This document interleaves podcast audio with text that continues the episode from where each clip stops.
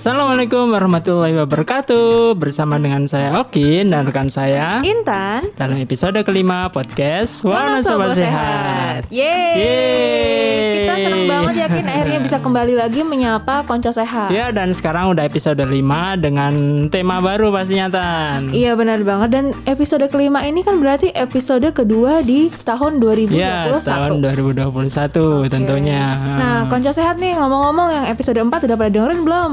Ya tuh dengerin terus loh episode-episode sebelumnya dan Iya. selanjutnya nanti setelah eh, episode 5 episode 5 juga harus denger ya. Ah, nanti ada lagi episode-episode selanjutnya tetap harus didengerin ya Kak Iya, karena banyak informasi menarik dan ilmu-ilmu baru di situ. Dan kita eh, ngedatengin tuh narasumber-narasumber yang pastinya kece selalu ya. Iya, dan tentunya tema-tema yang kita hadirkan di podcast Sono Sobat Sehat ini berbeda dong ya. Tentu. Setiap episodenya selalu ganti, selalu berbeda. Dan pasti menarik yang kita bahas Nah ini. itu dia. Nah ngomong-ngomong di episode kelima ini temanya apa sih Kin? Temanya ada hubungannya dengan kita tahun 2020 kemarin dan kita lakukan eh, Indonesia lakukan setiap 10 tahun sekali. Bisa tebak eh, para Wah, pendengar. apa tuh? Konco sehat. Sensus bukan sih? Iya, seperti itu dan mungkin kita akan bahas juga Hmm. sensus hubungannya dengan bonus demografi juga ya ini ya. Wah ini tema yang menarik sih. Hmm, hmm, karena dari hasil sensus sendiri tit, nanti akan dijelaskan oleh narasumber ya. Oke deh. Yang pasti yang ngejelasin tentang sensus bukan kita kan? Bukan lah, Iya, kita mah remahan. Mah remahan eh, ini ya debu. Ada bu. Heeh. ya udah deh. Ngomong-ngomong nih kan narasumbernya udah, udah ada nih di hadapan kita. Hmm. Kita langsung kenalin aja yuk Kin.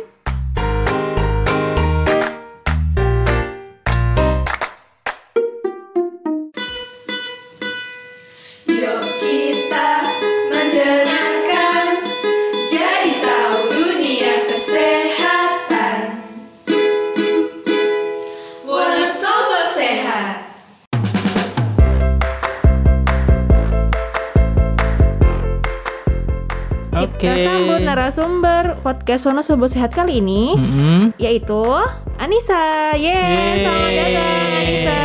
Halo Mbak. Halo. Gimana kabarnya Mbak Anissa? Alhamdulillah baik. Oke deh, mungkin bisa disapa dulu konco sehatnya. Hmm, Halo kenalan. Konco sehat, gimana kabarnya? Semoga selalu sehat dan juga tetap Patuh ya pada protokol Iya. kesehatan. Tetap patuh Oke, ya. kita patuh ya konco sehat ya. Jangan sampai kendor ya. Jangan terlena. Betul. Ah, Kita masih fight. Oke deh, Anissa panggilannya? Eh, Oke, aku Anisha Nur Aziza, biasa dipanggil Ica juga. Hmm. Iya. Sekarang mahasiswi semester 4 di Politeknik Kesejahteraan Sosial Bandung. Oh, di Bandung. Iya. Dari Bandung. Apa namanya kalau bahasa Bandung itu Nenggelis Bandung. Ah, iya.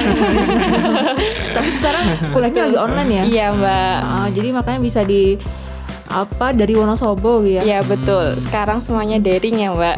Mm, mm, mm, mm. Oke. Dan kebetulan Mbak Anissa ini juga ikut jadi relawan asli ya. Oh iya, Iya.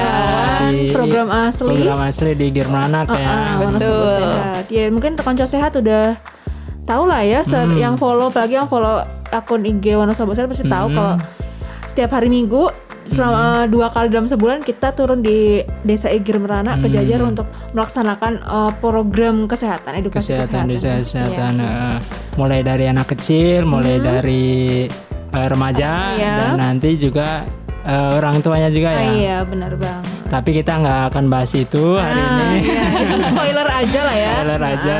iya. dan mungkin Mbak Anissa kesibukannya apa nih? Selain kuliah mungkin ya?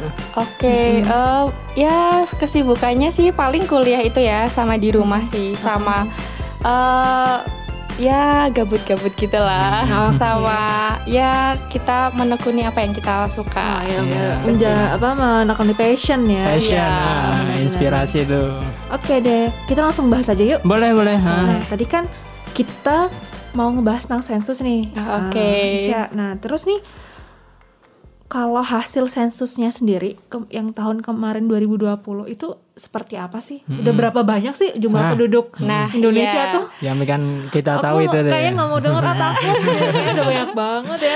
Iya, betul banget nih, Mbak. Heeh. Jadi tuh hasil sensus 2020 kemarin itu memang menunjukkan kenaikan yang cukup signifikan juga, Mbak. Dari tahun 2010. Ya. 10 tahun lalu ya. Iya, ya. betul, Mas. Jadi tuh eh, hasil sensus penduduk kemarin tuh menunjukkan angka di 270,20 juta jiwa. Itu orang tuh 270 Iya juta orang. Mungkin Oh yang lebih wah lagi seperempat miliar lebih. Iya, betul 200. banget. 20, Dan ini tuh 20 jika ya. dibandingkan sama tahtahun kemarin ini juga kenaikannya cukup Mbak. Jadi kalau tahun 2010 itu kemarin itu 237,63 juta jiwa.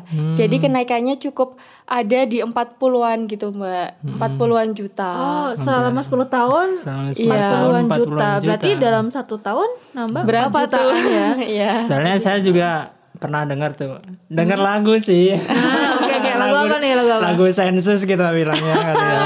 Oke.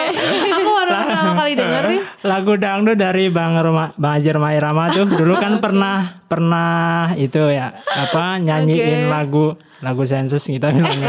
Kan judulnya apa Ri- sih? rilisnya 1976 tuh. Wah, belum lahir tuh. Belum lahir. 1976 aduh itu tahun lagunya jebot gini. ya. 135 juta Oke, oke, oke. Aku pernah dengar. Oh, iya, iya, Indonesia. Dari berarti kan dari 1976 sampai 2021 ada dua kali ya istilahnya Iya, dua Eh, dua kali lipat dua ya. kali Dua lipat kali ya. lipat. Hmm. Dalam jangka waktu 45 tahun. 45 Iya, betul tahun. banget.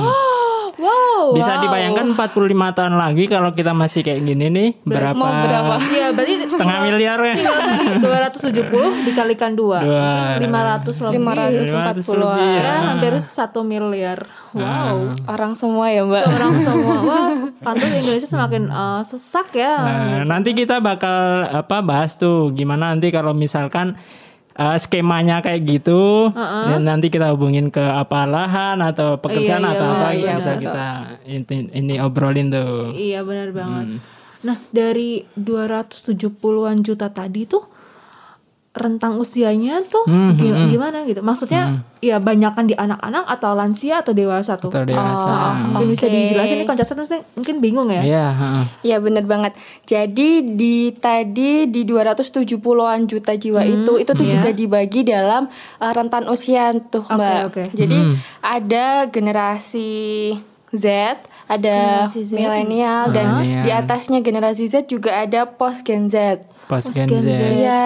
Mm-mm. Jadi ada genera post Gen Z, ada generasi Z, ada milenial, generasi X, X. kemudian baby X. boomer dan juga pre-boomer gitu Mbak. Pre-boomer. Wow. Iya. Berarti yang paling tua yang bisa Yang- diukur pre-boomer itu. Iya, ya? betul Boomer. banget, Mas. Lah, Dan yang paling muda itu generasi apa? Post Gen Z, Mbak. Post Gen Z. Gen Z ya bukan Gen Z. Beda server pak. Oke deh. Oh ya, mungkin uh, konco sehat masih bingung nih. Mm. Yang dikatakan pre-boomer, terus tadi post Gen Z, ya, milenial itu, itu, uh, nah. rentang tahun kelahirannya itu berapa? Karena sejujur aku juga masih uh, Iya, bingung nih iya, gitu. Aku iya. jadi pengen tahu aku masuk generasi mana nih. Iya. Gitu. Oke, mungkin Ica bisa ngejelasin nih dari pertama iya, dari iya. pre-boomer dulu. Oke. Pre-boomer, ah. Jadi tuh eh, di pre-boomer ini itu tuh mereka yang kelahirannya ser- sebelum 1945. Wow. Jadi Sebelum- mbah buyut-buyut kita tuh, Mbak.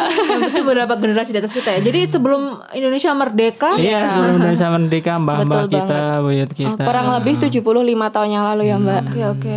Itu masih ada nggak ya? Maksudnya dari hasil sensus Persentasenya Wah, berapa masih kali ya? pernah- Nah ini berapa masih gitu? ada nih Mbak. Jadi Oh, ada, presentasinya itu cukup kecil tapi masih ada. Oh, iya, Jadi oke. di sekitaran 1,87 persen. 1,87 Ya, persen. Jadi dari 270-an juta jiwa itu sebanyak 1,87 87 persennya adalah generasi pre-boomer. Iya, betul. Dengan usia lebih dari 75 tahun. Iya. Wah, panjang umur ya. Bisa ditanya tuh sejarah-sejarah. Iya, benar-benar saksi hidup. Saksi ya. hidup, Oh, ah.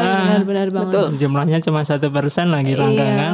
Iya. Terus Mbak, Nah, selanjutnya itu ada baby boomer. Baby boomer. baby boomer. Iya, itu tuh eh, yang mereka lahir di tahun 1946 sampai 1964.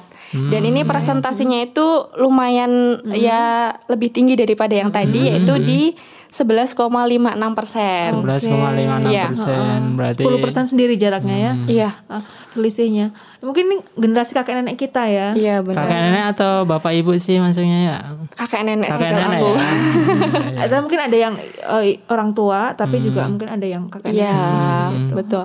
Nah, ada selanjutnya nih di atasnya baby boomer itu ada generasi X. Generasi, Generasi X. Nah, X. generasi X itu Oke. adalah mereka yang lahir di tahun 1965 sampai 1980. Oke. Dan presentasinya itu juga eh, rentannya 10 persenan dari yang tadi kak, Oh, jadi yaitu di 21,88 persen. 21,88. Oke, ini mungkin Iya. generasi orang tua kita nih dari kelahiran Iya, iya, 60 betul. tahun 1965 Iya. sampai 80. 80 ya. Oke, oke. Nah selanjutnya ini eh, ada generasi milenial. Ah, milenial. Ya, sering, kita dengar ya. Iya, sebenarnya nanti Milenial. kita sambungin ke era 4.0 gitu-gitu Iya, kali ya milenial oke. benar benar benar. Jadi tuh generasi milenial tuh sebenarnya usia berapa sih? Karena Ah, kan itu dia. kayak Nah, itu. banyak banget ya mbak yang Dikit-dikit milenial, nah, dikit-dikit milenial Betul gitu. banget. Nah, Heeh. jadi eh, generasi milenial ini mereka yang lahir di tahun 1981 sampai 1996. 81 sampai 96. Oke, masuk generasi apa nih? Nanti kita di belakang ya ngomong. Siap. Dan ini 80-an. dan ini presentasinya itu 25,87 Oh, persen. Jadi lagi ya seper dibandingkan. empatnya ya Oh, mbak. seperempatnya. Oke. Betul banget. Nah selanjutnya ini ada generasi Z. Generasi Z. Ya, generasi Z ini mereka yang lahir di tahun 1997 sampai 2012. 9 sampai 2012. Iya. Oke. Presentasinya sendiri ada Presentasinya itu cukup tinggi nih, Mbak.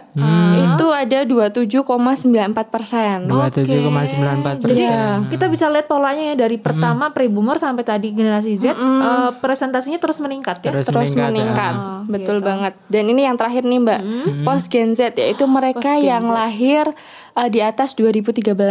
2000 Di ya, atas Jadi- 2013 Ya, Oke. bener banget. Jadi 2013 sampai sekarang itu disebut Iya. namanya post Gen Z. Masih anak-anak lah ya. Iya, betul. Ya, berarti Sekitar usia tujuh tahunan. 7 tahun SD ya. Iya, Iya. betul. Presentasinya ada berapa? Presentasinya itu 10,88 persen. 10,88 Oh, nggak- nggak terlalu tinggi ya Nggak berarti terlalu tinggi. Oke. Nah, jadi kalau tadi udah dijelasin sama Ica ten- tentang ini ya, eh, apa hasil sensusnya sendiri. Ternyata tadi aku lihat yang paling banyak adalah di generasi milenial dan generasi generasi, Z. Z, ya. Iya, generasi betul Z banget. ya. Oke deh. Jadi nih teman-teman udah konco sehat ya, udah pada tahu masuk generasi mana? Apakah milenial, Gen Z, Ah, Atau kalau boomer? atau kondisi pre-boomer? Wah luar biasa ya. Hebat banget ada yang dengerin podcast kita dari pre-boomer itu Iya, hebat luar banget. biasa. Berarti mengikuti perkembangan zaman. Iya. Oke deh. Nah, oke balik lagi ya tadi dari hasil sensus nih. Ternyata tadi kan paling banyak di generasi uh, Z sama milenial. Iya, bener Mbak. Eh, itu tuh apakah menim- se- menimbulkan sebuah masalah atau itu justru apa jadi keuntungan tersendiri sih buat Indonesia gitu? Oh oke, jadi dengan kondisi ini ya Mbak, Ya, oke. dengan adanya eh, usia milenial, ada generasi milenial sama generasi Z ini lebih banyak, ini tuh juga eh, membuat Indonesia itu menjadi era bonus demografi Mbak. Era bonus bonus demografi. demografi. Aku Ah, sih apa uh-uh. sih itu Mbak? Sering dengar. dengar kata bonus sih kayak uh, apa ya langsung berpikir itu adalah sesuatu yang positif sih. Ah, yang bonus positif. jadi uh, bonus. cuma nggak tahu deh kalau di di uh, bidang demografi apakah Ah. itu jadi sesuatu yang positif juga. Jadi eh, era bonus demografi ini adalah eh, momentum di mana suatu negara itu lebih banyak usia yang produktif daripada usia yang non produktif, Mbak. Oh ya beneran milenial sama generasi Z itu. kan Ya, usia betul. produktif ya. Berarti Betul. usia produktif itu maksudnya berarti usia sekolah atau usia kerja? Eh, usia produktif itu usia di antara 15 tahun sampai 64 tahun, Mbak. Dan usia yang Iya, non iya, produktif berarti di luar itu, Ah, yang di oke, bawah oke. 15 tahun dan juga di atas 64 tahun itu. Oke oke. Iya, gitu, iya, iya. Oh, jadi tadi bonus demografi adalah kondisi suatu negara di mana kelebihan di warga yang usianya produktif. Iya. Ya, usia oke. produktif itu ya. Nah, tadi juga Mbak Intan nanya nih eh, apa sih potensinya atau masalahnya gitu ya, Mbak ya. Iya, iya, benar. Nah, dengan kondisi ini sebenarnya tuh kalau misalkan kita bisa memanfaatkan dengan baik, ini Ya. tuh akan membuat eh, sebuah potensi atau keunggulan tersendiri untuk negara kita itu. Hmm, makanya dikatakan bonus itu ya. Nah, iya bener banget tadi. Jadi potensinya juga sangat besar karena kalau misalkan banyak warga Indonesia yang produktif, berarti kan itu juga akan membuat negara ini tuh membantu di sektor ekonomi juga gitu Mbak dan sektor-sektor iya, iya, lainnya. sektor lain, seperti Iya, itu. Betul karena mungkin juga kalau misalnya kebanyakan eh, generasi milenial sama tadi apa eh, generasi Z ya, Z, Iya. dia masih usia produktif jadi mungkin kualitas kerjanya SDM-nya juga mungkin Masih lebih bagus, ya. bagus, Iya, ya. gitu. Makanya berarti karena kita ada bonus demografi butuh strategi-strategi khusus sekali ya. Nah, iya betul banget. jangan sampai malah bonus demografi itu jadi pasti ada potensi masalah juga kan Iya ya situ betul ya. banget Mas. Ah, Jadi nah, tuh terus masalahnya apa dong? Ah. Nah ini nih Mbak, ketika kuantitas itu dibarengi dengan kualitas yang baik, itu akan menjadi sebuah kesempatan yang baik juga gitu iya, Mbak. Hmm, iya, iya. Jadi sebuah anugerah gitu ya Mbak Ah, sebagai iya, bonus benar. yang bagus gitu. Tapi ketika eh, kuantitas ini nggak dibarengi sama kualitas, justru ini nih Mbak yang jadi masalahnya. Oh, Nambah beban Kalau mungkin. misalnya Nah, betul. Kalau ada ketimpangan itu jadi nambah beban ya. Iya betul banget. Ketika nggak dibarengi sama kualitas SDM yang bagus, maka bakal nambah beban nih Mbak. Mi- mungkin eh, orangnya banyak tapi nggak bisa diandalkan atau eh, kurang SDM-nya gitu Mbak. Oke. Jadi jadi yang ada malah jadi nambah beban negara ya. Iya, makanya. Betul. Soalnya kan ini kan berarti masuk usia-usia angkatan kerja juga ya. Betul. Nah, istilahnya berarti persaingan di dunia kerja kan semakin banyak tuh. Karena di apa di tahun ini semakin banyak orang yang membutuhkan kerja gitu kan. Nah, iya. Nah, makanya banyak digalangin tuh buka lapangan kerja, buka lapangan kerja supaya mungkin menampung yang angkatan kerja yang bonus ini kali ya, gitu kali ya. Iya betul banget mas. Jadi eh, ketika adanya momentum bonus demografi ini, kita juga harus menyeimbangi mbak. Jadi kayak eh, meningkatkan kualitas kualitas SDM ini juga harus diimbangi kayak pendidikannya, Pendidikan. iya, Iya, terus benar-benar. kesehatannya, Hmm. terus dibuka lapangan pekerjaan yang seluas-luasnya juga gitu mbak. Terus adanya pelatihan-pelatihan juga itu eh, salah satu bentuk untuk meningkatkan kualitas SDM ini Hmm. gitu dan ini semua juga bakal menjadi investasi kita ke depan karena bonus demografi ini diperkirakan puncaknya itu di tahun 2020 2045 mbak 2045. Iya. Itu masih berapa tahun dari sekarang ya? 25 24 Iya. 25 ya berarti ya. ya 24 tahun ya mbak Dan sekarang sekarang aja belum dikatakan puncak ya. Maksudnya Iya. puncaknya masih masih lama Masih masih panjang ke sana ya. yang sekarang mungkin umur 15 nanti 35 kan masih masuk bonus ya. Masih Iya, masuk betul banget. demografi Wow. gitu. Apalagi tadi kan sebelum mileni eh, se- setelah Gen Z itu Hmm. apa itu? Pri Gen Z ya Per Gen Z itu kan apa? post Gen Z Pas Gen Z ya? iya. Itu kan presentasinya banyak juga ya? iya Nah, lumayan itu kan 20 25 tahun lagi atau 20 tahun lagi kan berarti masuk ke, Ke- gen istilahnya angkatan iya betul Iya milenial Yang atau gen milenial Z itu sekarang ya. ini kali ya.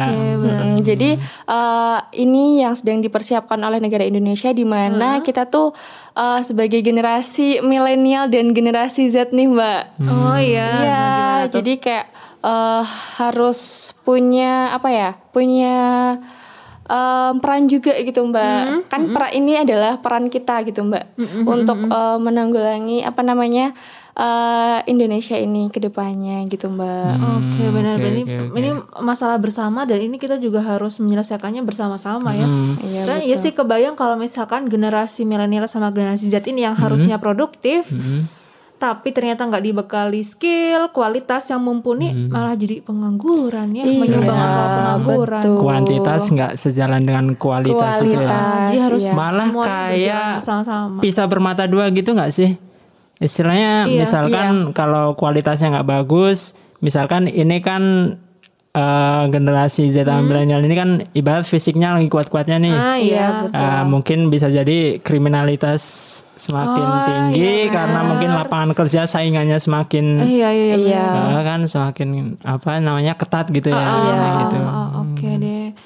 Oh jadi benar kata Okin kalau misalkan apa namanya tidak diimbangi dengan uh, Kualitas, kualitas yang iya. bagus, yang yang ada malah jadi masalah. Masalah. Jadi bumerang Ah, ya. Iya, betul jadi kayak pisau gitu ya. Jadi Hmm. bisa bermanfaat tapi juga bisa melukai diri Melukai, sendiri, melukai betul. Indonesia. ya, gitu. Iya. Iya benar banget. Nah, s- uh, setelah ini aku pengen ngomongin tentang masalah strategi nih. Apa sih yang Oke. bisa kita lakukan sebagai generasi Z dan milenial nih untuk menanggulangi uh, biar bonus demografi ini nggak menimbulkan banyak masalah. Tapi Hmm. kita punya sesuatu nih Kin. Data apa itu Tan? Adalah seperti biasa cek fakta. Oke, mari kita dengarkan cek fakta kita kali ini. Cek fakta. Manakah yang lebih baik, mengkonsumsi buah sebelum atau sesudah makan? Pendapat makan buah sebelum atau sesudah makan besar karena meningkatkan asupan nutrisi buah merupakan mitos belaka. Tidak ada waktu khusus untuk memakan buah, karena perut kita telah dirancang untuk dapat mengkonsumsi berbagai macam makanan sekaligus. Jika kamu memiliki riwayat gastritis atau nyeri perut bagian atas, makan buah sebelum makan akan menjadi pilihan yang bagus karena dapat mengurangi tingkat keasaman buah dalam perut kita. Namun, untuk alasan penyerapan nutrisi dan vitamin dari buah, tidak ada perbedaan yang berarti dalam waktu makan buah. Benarkah olahraga setiap hari dalam jangka waktu yang lama baik bagi kesehatan? Olahraga memang menyehatkan, tapi jika dilakukan setiap hari dan tidak memberikan waktu istirahat untuk tubuh, tentunya tidak akan bermanfaat bagi kesehatan. Anda juga perlu mem- memperhatikan waktunya. Semakin lama waktu olahraga, bisa jadi tidak bermanfaat loh. Anda tetap harus memberikan waktu istirahat tubuh untuk pemulihan.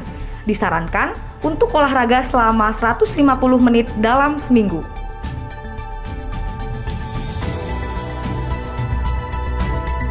Demikianlah cek fakta kita kali ini.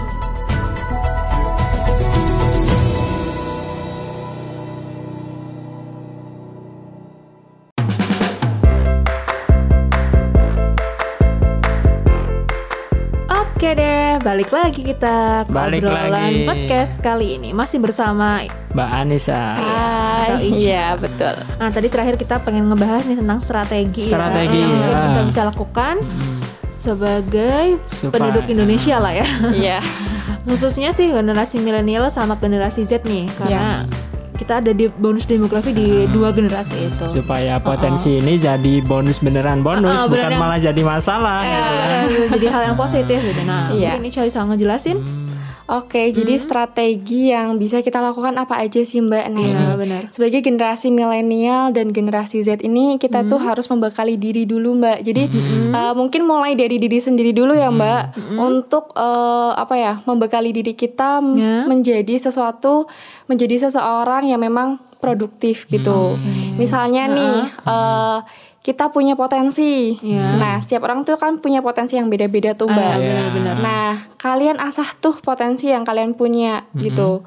Jadi misalnya nih yang punya baik itu soft skill, baik itu hard skill, itu tuh kalian asah gitu. Hmm. Eh, seperti di kala pandemi ini kan memang banyak banget yang apa namanya gabut gitu kan ya mbak, Iya. Nah, gabut-gabut gitu. Iya, Terus banyak banget karya-karya baru yang keluar justru Iya, yang kreatif malah banyak Betul memunculkan banget. karya. Iya. Di era pandemi ini justru ini yang membuat kita kayak ah seba- sebagai tantangan nih karena kita banyak waktu luang sehingga kita kayak oh aku punya potensi apa sih? gitu, menggali potensi dari diri dulu, kemudian kayak eh, melatih juga kayak misalnya nih eh, ada yang suka public speaking, ada yang suka editor, ada yang suka desain seperti itu. Nah di era seperti ini kita juga harus kayak membekali diri buat eh, bisa eh, menunjukkan itu gitu loh Mbak Mas. Oke, benar. Bener banget karena kan Hmm. eh, di masa pandemi ini juga nih Iya, mbak. Heeh. di masa pandemi itu Iya. udah banyak banget kayaknya semua platform tuh berlomba-lomba buat ngadain event. Iya, kayak banyak benar, banget kayak webinar-webinar pelatihan-pelatihan kayak gitu kan. Nah itu bisa banget buat wadah kita buat eh, melatih apa yang kita bisa gitu Oke. mbak Banyak loh webinar misalkan gitu ya. Yang kalau nggak online itu bayarnya mahal banget. Iya, Nah, Dan betul. sekarang banyak webinar gratis Gratis, iya. Cuma kita cepet-cepetan daftar aja. kreatif kreatif kita aja Iya, ya benar, benar, benar. Oke, jadi benar banget nih konco sehat mungkin bisa diperhatiin apa yang tadi narasumber kita bilang.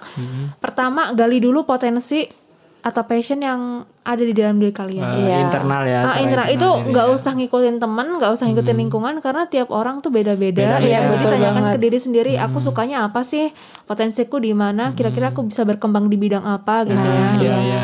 Jangan ikut-ikutan teman lah ya. Apalagi biasanya kalau remaja tuh masih Dan kalau aduh kalau nggak ada ya. temennya aku males deh gitu. dan kadang ikut gitu deh. ikut-ikutan trennya yang tren-tren negatif gitu iya, loh. benar. nah itu Itu jadi Misalkan nih, ya. misalkan nih contoh platform TikTok misalkan ya. Iya. Di situ iya. banyak yang bermanfaat Sebenarnya sebenarnya. banyak, ya, Banyak yang banget. Tapi kadang yang sih, eh, gitu kadang banyak. yang diikutin yang negatif-negatif Ah, gitu Nah, betul. benar. Ya mencari uh, knowledge ya, pengakuan mungkin ya, nyari iya. pengen sensasi, pengen terkenal nah mungkin. betul Harus pintar milih ya. Harus pintar Iya. milih, harus pintar menyaring ya. Gitu. Oke deh kalau udah ngegali potensi kan udah enak tuh. Oh, udah tahu nih maunya apa, pengen jadi apa. Aku Iya. kira-kira bisa di bidang apa, habis itu diasah ya. iya betul Karena kalau dibiarin aja ya nggak akan berkembang juga ya. Betul banget karena mulai dari diri sendiri itu salah satu pemberdayaan buat diri Ah, dulu iya, benar, gitu. benar. Sebelum kita memberdayakan orang lain, kita memberdayakan diri dulu gitu, Mbak. Hmm, bener-bener, bener banget. Soalnya sayang banget tuh maksudnya banyak yang kita lihat banyak kreativitas dari Ah, anak-anak muda di iya. sini, tapi banyak juga yang karena sekolah dari rumah Ah. gitu terus leha-leha gitu loh. Jadi nggak iya. ada yang didapat yang harusnya di sekolah didapat banyak. Heeh. Di rumah karena leha-leha jadi gimana ya istilahnya Oh, iya. ah, kan Nah, ah, iya. gitu malah ba- banyak kesempatan yang terbuang gitu Ah loh. benar, Nah, betul kesempatan banget. terbuang, akhirnya bakatnya juga terpendam, nggak Nah. makin bagus juga. Ya sayang banget yakin ya. Oke deh. Dan mungkin dari selain dari internal nih, mungkin Ah, ada iya. strategi apa lagi gitu. Nah, strategi strategi yang lain itu Ah. yaitu deh mulai dari diri itu dulu. Kamu ke- kemudian kita Hmm. kayak eh, apa ya namanya eh, ketika kita sudah memberdayakan diri kita, Hmm. berarti kan kita bisa membantu orang lain nih gitu loh. Oh, Karena usia produktif iya, iya, ini tuh sebenarnya menanggung usia-usia yang non produktif juga gitu Oh, kan. wow, PR-nya jadi banyak Iya ya. dong. Double burden nih, kasihan nih. Iya. Nanggung yang Di tadi bawahnya boomer juga, tadi ya, ya, betul. sama yang masih kecil-kecil Anak-anak kayak Di bawahnya gitu. di atasnya juga ya benar banget. Gitu sih, Mbak. Jadi intinya kita dulu deh beresin diri Iya, kita sendiri. betul Selesaikan banget. dengan diri kita sendiri dulu. Baru setelah itu kita bisa nge-handle orang. Hmm, Tapi memang kita dibekali dengan isinya fisiknya yang lagi Iya. puncak-puncaknya Ah, nih. lagi sehat-sehatnya. Terus kita kalau eh, kalau mikir itu masih, Masih bisa lah fresh menghafal, gitu masih ya, masih betul. Bisa gitu benar-benar benar. Kayak gitu. Dan mungkin kan kalau masih produktif ya, Hmm. Kan kecepatan belajarnya juga Masih bagus ya. Iya. Saya lebih cepat belajar, Iya, lebih cepat menangkap hal baru, materi baru dibandingkan dengan generasi di atasnya atau di bawahnya ya. Hmm, iya, heeh, benar. Hmm. Jadi memang potensial sekali sebenarnya ya generasi milenial generasi Z Z ini, ini. gitu. Hmm, tinggal mau manfaatin nggak nih Iya, potensi-potensi di usia-usia ini? Benar-benar banget, benar Iya. banget. Nah, oke deh. Okin ada pertanyaan lagi nggak dari Okin? Mungkin dari Mbak Anissa ada yang mau disampaikan lagi, istilahnya gitu. Strategi tadi ya, Oh, yang iya. kedua ya. Ada strategi lanjutan kah atau Em, pada intinya ya ketika kita sudah menghadapi era demografi ini bonus demografi bagaimana kita bisa memanfaat ini biar jadi bonus beneran nih? Ah, iya kan? biar jadi anugerah buat bangsa ini bukan jadi musibah. Bukan jadi Ah, musibah? buat eh, bangsa ini karena memang ini merupakan kayak golden uh, moment gitu loh mbak. kayak uh, kesempatan emas banget buat negara kita buat kayak um, menunjang eh, semua perekonomian kayak gitu loh. semua sisi baik perekonomian ketika kita produktif dan kita juga diimbangi dengan kualitas SDM yang bagus, Heeh. berarti nanti juga Indonesia juga bakal lebih baik ke depannya gitu loh. Harapannya ya. Harapannya, apalagi ya. kita kan di dihadapkan dengan semacam dunia baru kali ya Tatanan setelah baru. kemarin Betul. setelah kemarin kita bahas tuh sama Mbak Juli tentang Iya, covid itu kan iya. Banyak problem meru- di situ merubah eh, semua merubah banyak tatanan. Tatanannya betul yang banget. mungkin awalnya banyak physically sekarang dunia digital semakin Digital. berkembang Iya, pandemi juga mempercepat itu kan ya Iya, perkembangan dunia itu, digital itu juga banget. Wow. Luar biasa sekali luar ya. biasa Dan ya emang harus jadi bonus beneran lah ya Ah, iya. istilah Iya, gitu ya. betul. Hmm. Dan pertumbuhan penduduk ini tuh sebuah keniscayaan ya. Iya, Maksudnya betul. Pasti semakin uh, lama orang tuh makin Semakin nambah, banyak. semakin Makin nambah. nambah. Jadi, Iya. karena mungkin seperti kita lihat sendiri Iya.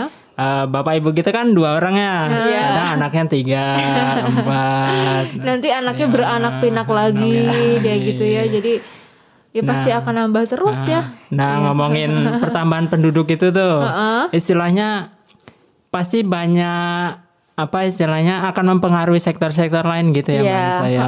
Lah sektor-sektor lain itu yang kira-kira terpengaruh oleh pertambahan penduduk itu apa ya?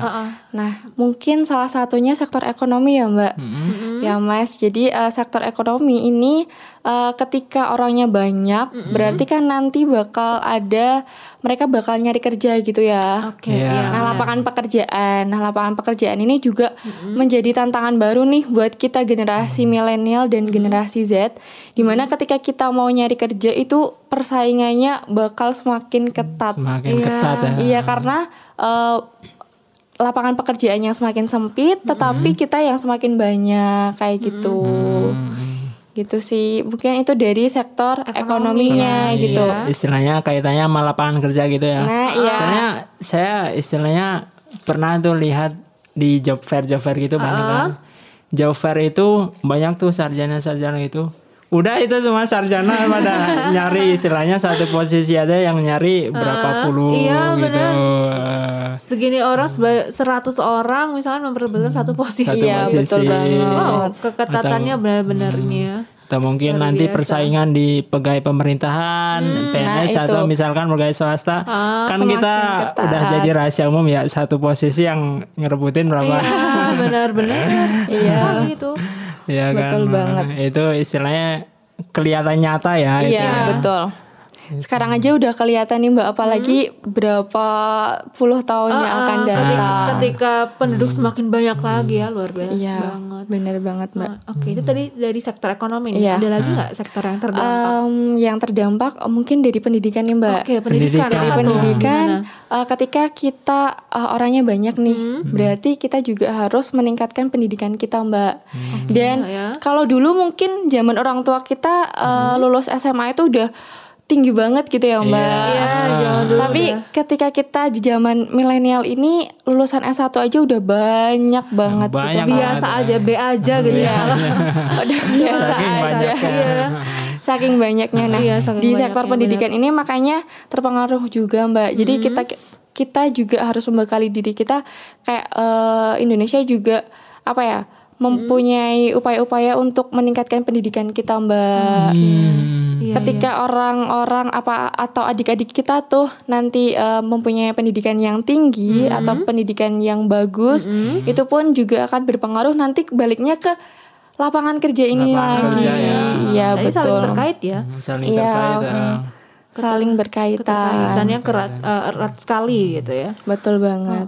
Itu baru ngomongin istilahnya secara domestik Indonesia itu. Iya. Belum lagi nanti kita saingan ekonomi sama dunia Dunia. apa dunia kan se- Secara apa, global gitu secara ya. global wow. gitu kan. Apalagi sekarang lagi globalisasi itu ya. istilahnya gitu. Ya, Iya, lagi betul tengah-tengahnya ya. Benar-benar. Oke deh. Kalau menurut Ica sendiri perlu nggak sih Indonesia tuh menerapkan atau ya melakukan langkah-langkah pengendalian penduduk gitu biar ini tuh biar nggak terlalu tinggi lah atau terlalu banyak lah pertambahan penduduknya Oh, oke oke. Soalnya kan kita lihat tadi ya dari lagu oh udah ngeri banget itu udah dua kali lipat ya. Dua kali Ya lipat. betul banget. Nah perlu nggak sih? Nah sebenarnya inilah yang lagi digarap sama Indonesia gitu Mbak. Mungkin da- ini udah digarap dari tahun-tahun sebelumnya, sa- 1900-an gitu. Eh, ini tuh eh, salah satunya adalah program KB Mbak. nah program KB Keluarga ini kan, iya betul banget. Dua anak cukup. Dua anak cukup. nah dua itu anak lebih baik ya, bukan dua anak lebih baik. Itu beda ya. Beda ya. beda.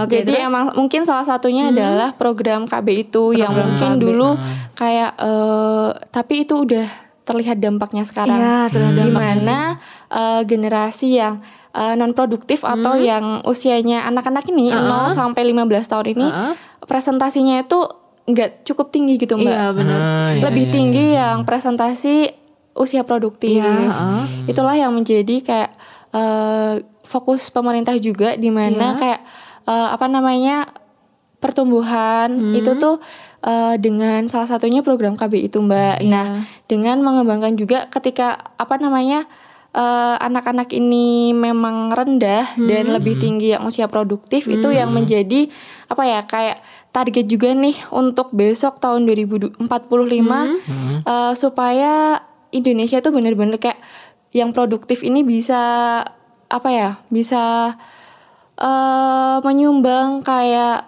eh, di sektor ekonomi dan lain-lain gitu Oke, mbak. iya, Benar-benar. Berarti bisa dilihat dari data itu kalau kita jeli baca data itu Nah, iya. eh, ada peningkatan istilahnya KB itu emang ada peningkatan apa namanya ya hasil gitu ya. Iya betul banget. Kalau mungkin dulu masih berlaku ya eh, banyak anak banyak rezeki. Iya. Terus sekarang kayaknya Sekarang malah menimbulkan masalah-masalah relevan baru juga nggak misalnya relevan itu. ya kurang-kurang relevan jadi makanya sekarang program KB itu sangat gencar sekali digalakkan Dan ini juga terlihat di hasil data sensus penduduk mbak. Jadi itu proporsi penduduk usia 0 sampai 14 tahun itu Iya. turun dari yang dulunya 44,12 persen pada tahun 1971 itu tuh turun menjadi 23,33 persen. Dua, tiga, di tahun 2020 kemarin gitu.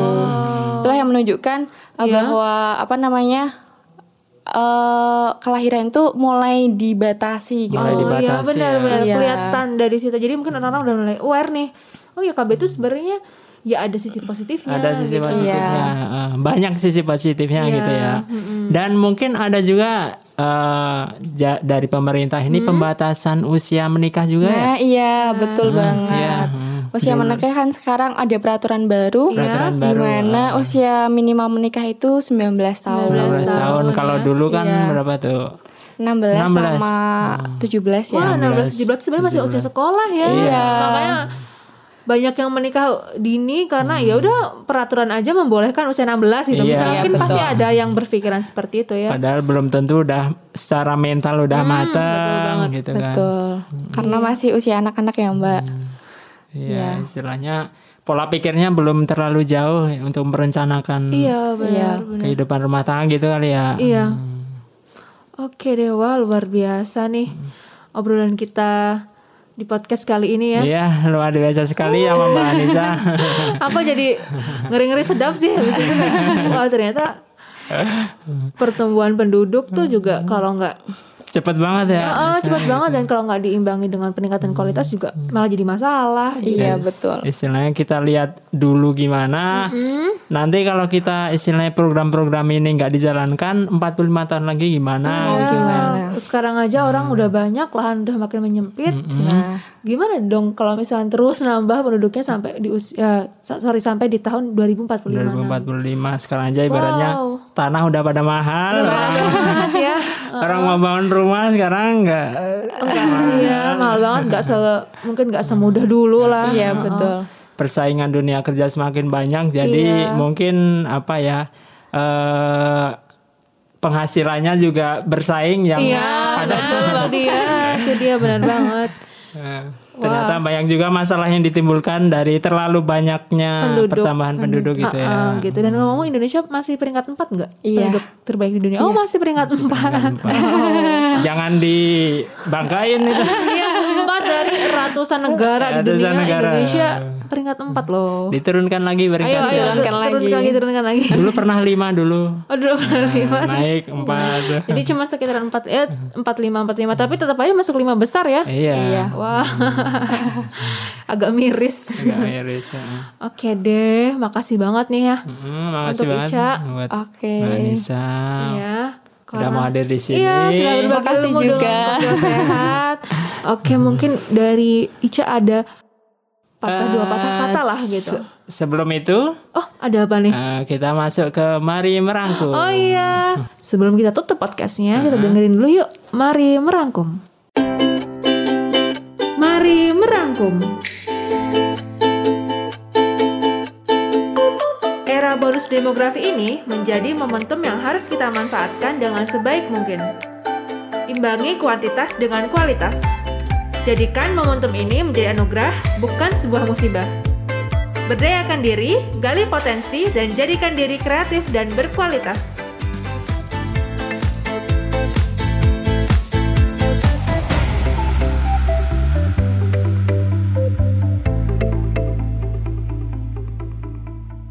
Ya, oke, sedih banget ya. Kita udah ada di penghujung podcast episode 5 ini. Iya, eh, setelah tadi kita bahas seluk-beluk sensus, masalah, potensi, strategi, juga kita bahas bonus demografi. Iya.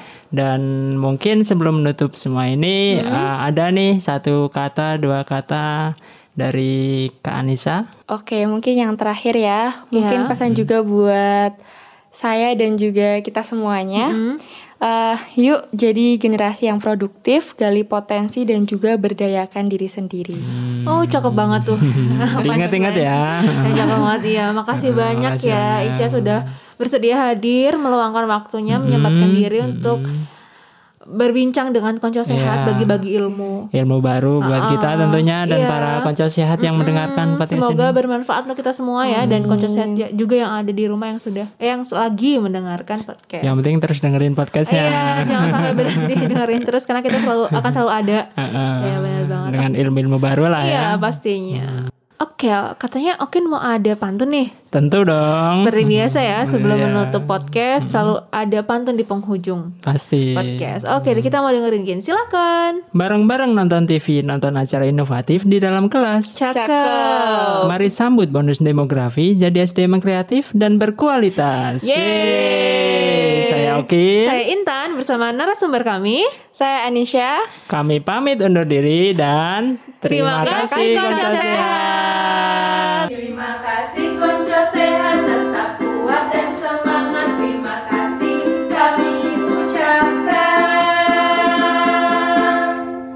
Bertemu lagi lain kesempatan